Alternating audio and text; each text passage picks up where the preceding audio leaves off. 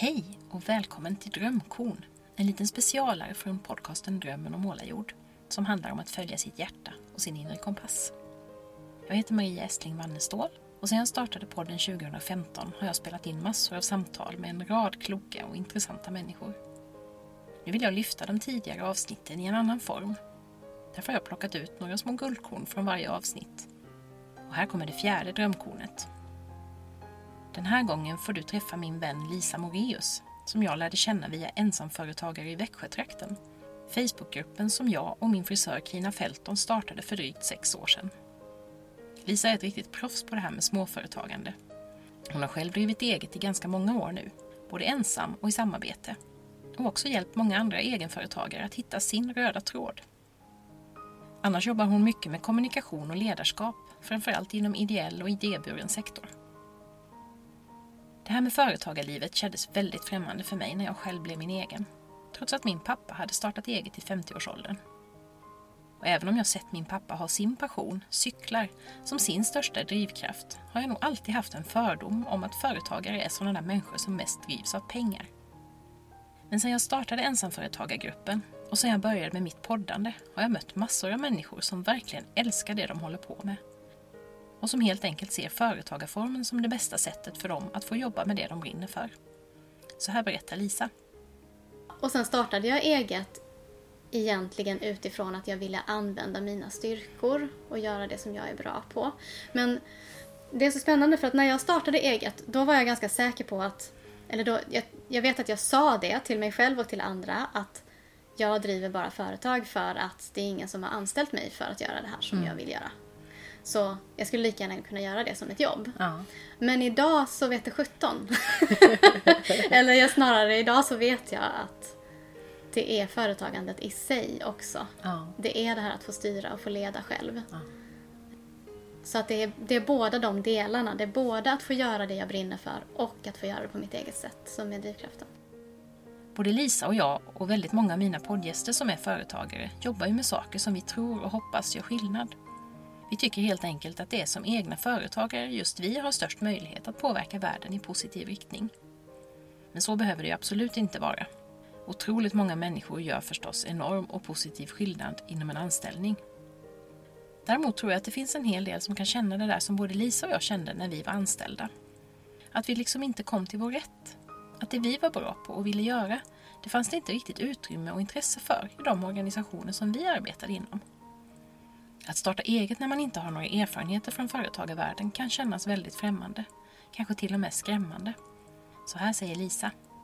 Jag har gjort det där många gånger, brutit upp och eh, eh både, och precis som du säger, både flyttat rent geografiskt men också ibland bytt sammanhang eller miljö på andra sätt. Eh, och jag tror att det är att gilla det eller att tycka att det är okej okay, i alla fall är nog en ganska bra egenskap som företagare. Mm. Därför att det handlar om att vara i förändring och hitta, hitta nya sätt och nya platser och nya människor.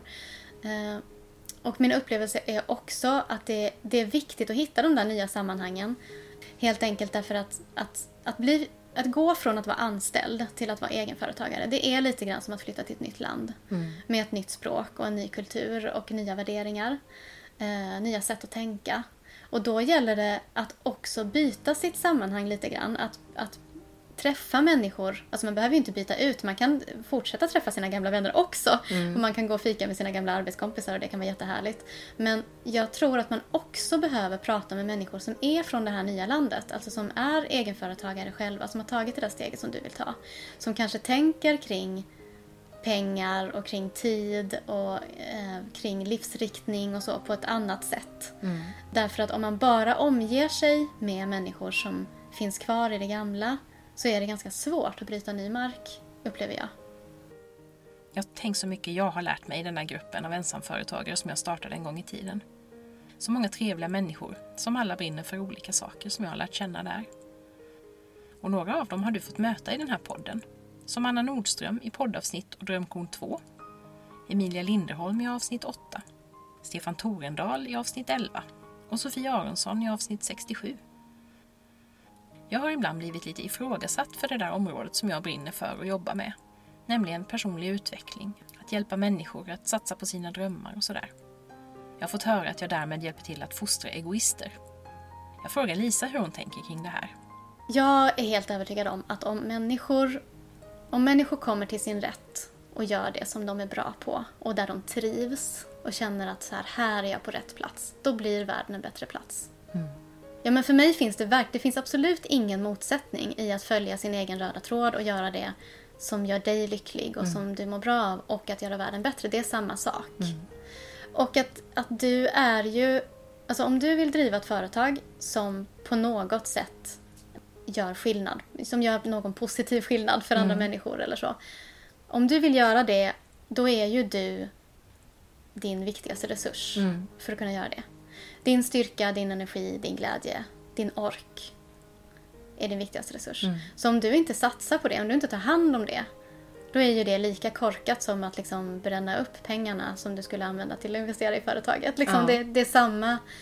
Eh, Och det gäller ju även om du är ledare i en ideell organisation till exempel, eller engagerad i en ideell organisation. Jag, jag pratade med någon för ett tag sedan om, om just det här, hur orkar man åka på semester med sin familj medan det är en flyktingkris? Mm. Eh, Vem tar hand om flyktingarna då på centralen om jag tillåter mig att vila lite grann? Ja. Eh, Och det är, det är så viktigt att kunna se det att vi kan inte bränna ut oss allihop på en gång. Vem ska liksom, hur ska det då bli, bli långsiktigt hållbart i Nej. världen? Sådär. Så att eh, jag tror att man måste hitta ett sätt att ta hand om sig själv och må bra och leva ett gott liv och samtidigt kunna göra skillnad. Mm. Det är helt nödvändigt. Ja. ja, jag håller med Lisa och jag kan ju ta mig själv som exempel. Så otroligt mycket mer jag gör för att bidra till en bättre värld idag. När jag har skådat den här naveln en hel massa och faktiskt hittat det jag både tycker är roligt, meningsfullt och hållbart. Som min senaste poddgäst Ann-Louise Fransson konstaterade var receptet på ett gott liv. I samtalet med Lisa kom vi också att prata om hur viktigt det faktiskt är att ta hand om sig för att kunna vara hållbar och göra positiv skillnad under lång tid. Det här är ämnet för Lisas egen podd, Leva gott. Att både göra gott och ha ett gott liv. Och så är Lisa en av medlemmarna i min nystartade poddklan som reflekterar över lyssnarfrågor med start i avsnitt 76. Vill du lyssna på hela poddsamtalet med Lisa hittar du det i de flesta poddappar, på iTunes, Acast, Soundcloud eller på poddens egen webbplats, drömmenormalajord.se. Och tipsa gärna dina vänner som du tror kan ha glädje av podden. I nästa drömkorn ska du få träffa en annan väldigt klok kvinna. Anna Lovind heter hon. Tack för att du har lyssnat och hej då!